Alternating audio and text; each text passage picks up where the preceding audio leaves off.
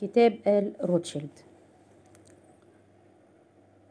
وهناك العديد من الوثائق التي تبرهن بصورة قاطعة أن بابك كان بدوره الرئيس الروحي للنظام الكهنوتي الشيطاني مثل ويذ هوبت في عصره.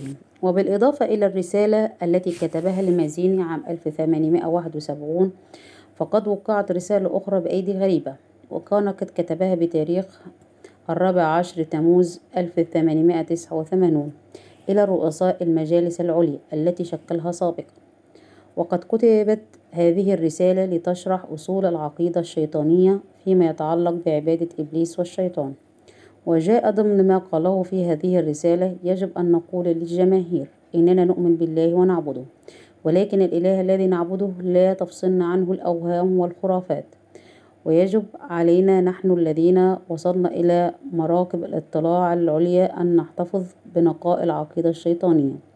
نعم إن الشيطان هو الإله ولكن للأسف فإن أدوناي بين قوسين وهذا هو الاسم الذي يطلقه الشيطانيون على الإله الذي نعبده.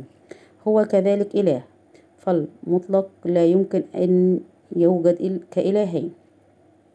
وهكذا فإن الاعتقاد بوجود إبليس وحده هو كفر هرطقة وأما الديانة الحقيقية والفلسفة الصافية فهي الإيمان بالشيطان كإله مساوي مساو لإدوناي. ولكن الشيطان وهو إله النور وإله الخير يكافح من أجل الإنسانية ضد أدوناي إله الظلام والشر. ولا تذكر الكتابات المقدسة الشيطان إلا في مواضع قليلة. أشعياء الرابع عشر لوقا عشر. ولكن العقيدة الشيطانية تنص بشكل قاطع على أن الشيطان هو الذي قاد الثورة في السماء وأن إبليس هو الابن الأكبر لإدوناي. وهو شقيق ميخائيل الذي هزم المؤامرة الشيطانية في السماء. وتقول التعاليم الشيطانية إن ميخائيل قد نزل إلى الأرض بشخص يسوع لكي يقرر على الأرض ما فعله في السماء. ولكنه فشل. وبما أن الشيطان هو أبو الكذب فيظهر جليا أن قوى الظلام الروحية تلك تخضع أكبر عدد ممكن من هؤلاء الذين يدعون بالمثقفين لفعل ما يريدون تماما كما فعلوا في السماء. إن الدعاية التي بثها بين الجماهير موجهو المؤامرات الشيطانية جعلت الرأي العام يعتقد أن خصوم المسيحية هم جميعا من الملحدين. ولكن الحقيقة هي أن هذا كذب موجه مقصود والهدف منه تمويه المخططات السرية لكهان المذهب الشيطاني الذين يشرفون على الكنيس الشيطاني ويوجهونه بصورة يتمكنون معها من منع الإنسانية من تطبيق دستور العدالة الإلهية في الأرض وهؤلاء الكهان يعملون في الظلام ويبقون دائما. ويبقون دائما خلف الستار يحافظون على سرية شخصياتهم وأهدافهم حتى عن الأغلبية العظمى من أتباعهم المخدوعين ولقد أنبأتنا الكتابات المقدسة المقدسة بأن مخططات مثل مخططات وايزهاوبت وبايك سوف توضع وتنفذ فعلا حتى يأتي اليوم الذي تستطيع فيه قوى الشر الروحية أن تسيطر على الأرض.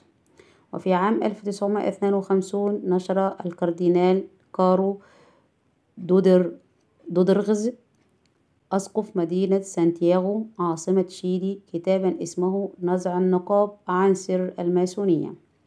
شرح فيه كيف خلق النورانيون وأتباع الشيطان وإبليس جمعية سرية في قلب جمعية سرية أخرى.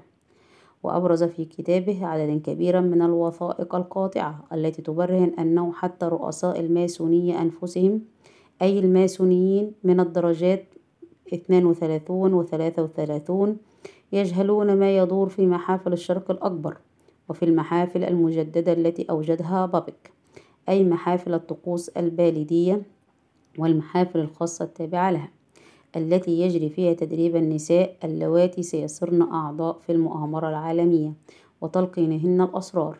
واستشهد الكاردينال بالصفحة 108 من كتابه بالمرجع. الثقة مرجيوتا مرجيوتا مرجيوتا ليبرهن أن ليمي قبل أن يختار بابك للخلافة مازيني كموجة للحركة الثورية العالمية. كان من أتباع إبليس الملتزمين والمتعصبين. ويتطلب مخطط وايز هاوبت ما يلي إلغاء كل الحكومات الوطنية. إلغاء مبدأ الإرث. إلغاء الملكية الخاصة. إلغاء الشعور الوطني. إلغاء المسكن العائلي الفردي والحياة العائلية وإلغاء فكرة كون الحياة العائلية الخلية التي تبني حولها تبنى حولها الحضارات. إلغاء كل الأديان الموجودة تمهيدا لمحاولة إحلال العقيدة الشيطانية ذات الطابع المطلق في الحكم وفرضها على البشرية. وكان مركز قيادة المؤامرة حتى أواخر القرن الثامن عشر في مدينة فرانكفورت بألمانيا حيث تأسست أسرة روتشيلد واستقرت وضمت تحت سلطانها عدد من كبار الماليين العالميين الذين باعوا ضمائرهم إلى الشيطان. تم نقل كهان النظام الشيطاني مركز قيادتهم إلى سويسرا. بعد أن فضحتهم حكومة بافاريا عام 1786 ولبثوا هناك حتى نهاية الحرب العالمية الثانية حيث انتقلوا إلى نيويورك وأصبح مركز قيادتهم في مبنى هارولد برات في نيويورك؟ وفي نيويورك حل آل روكفلر محل آل روتشيلد فيما يختص بعمليات التمويل.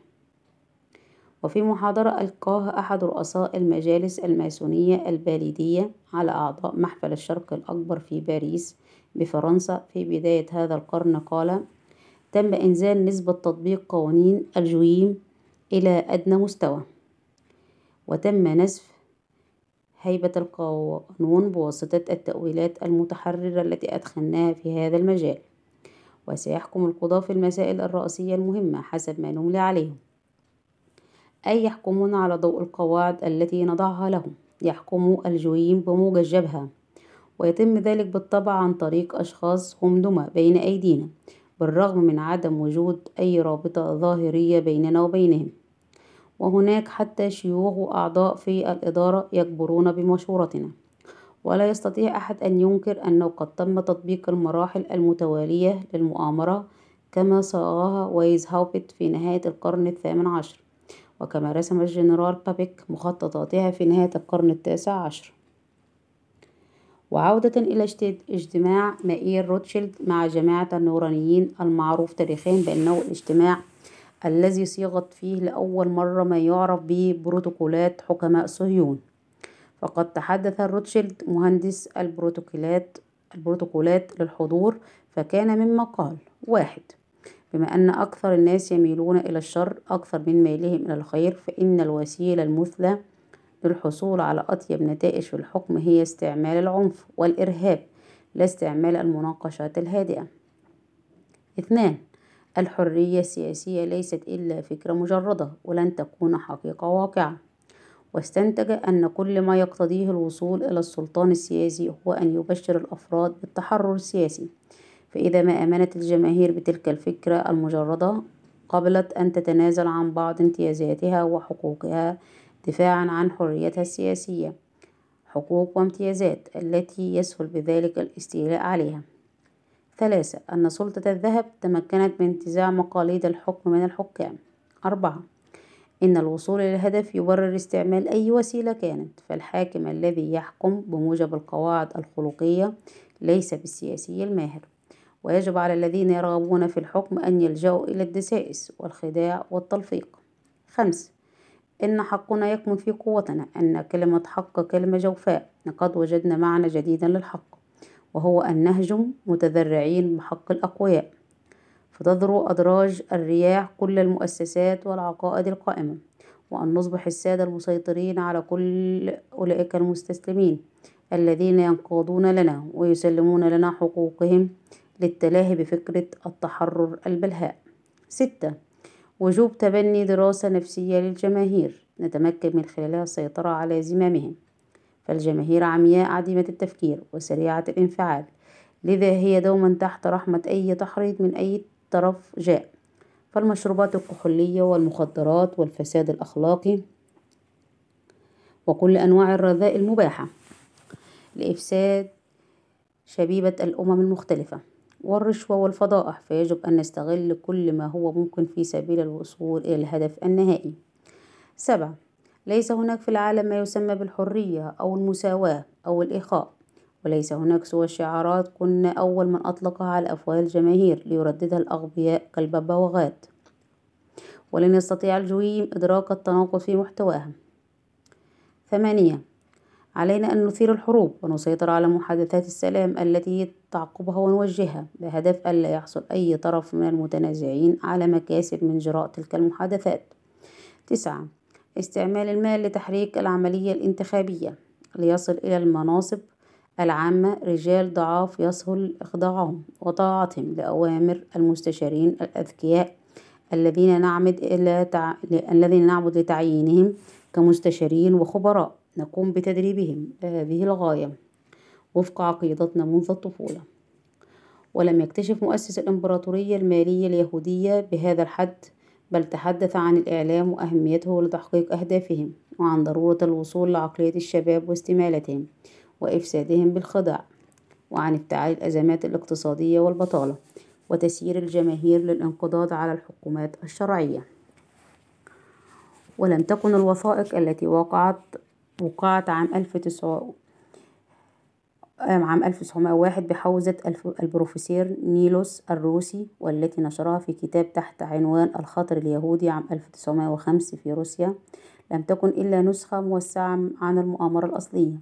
ويبدو من مقارنة النصوص أن القسم الأول مطابق لما أوردت. والأهم من ذلك كله أن تلك الوثائق المكتشفة عام 1901 تكشف أن الصهيونية ستستعمل كسلاح ستستعمل كسلاح جديد في المؤامرة. وهنا يجدر بنا أن نذكر أن الصهيونية لم تولد إلا عام 1897 وقد ترجم كتاب الخطر اليهودي إلى الإنجليزية.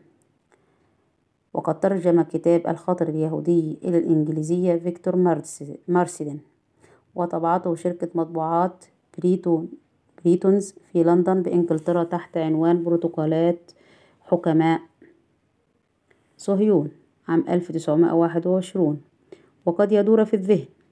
السؤال الثاني ما هو البرهان على صحة انعقاد تلك الاجتماعات السرية التي شاءت العناية الإلهية فتح مخططاتها الشيطانية؟ ففي عام 1785 كان أحد الفرسان يغزو السير بجواده بين فرانكفورت وباريس حاملا معلومات مفصلة حول الحركة الثورية العالمية عامة وتعليمات خاصة حول الثورة الفرنسية. كانت تلك التعليمات صادرة عن النورانيين اليهود في ألمانيا وموجهة إلى السيد الأعظم لماسونيي الشرق الأكبر في فرنسا. وكانت محافل الشرق الأكبر الماسونية في فرنسا قد تحولت إلى شبكات سرية تعد للثورة وأعمال العنف على يد الدوق دورليان السيد الأعظم الماسوني في فرنسا.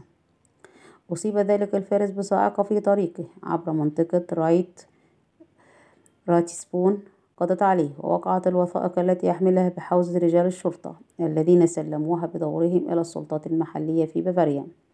وهكذا نرى في حال دراستنا لتطور الأحداث الارتباط القائم بين دار روتشيلد واليهود النورانيين في فرانكفورت والنورانيين المتسللين داخل الماسونية الفرنسية الحرة والذين أسسوا محافلهم الخاصة المعروفة بمحافل الشرق الأكبر. انتهى التسجيل.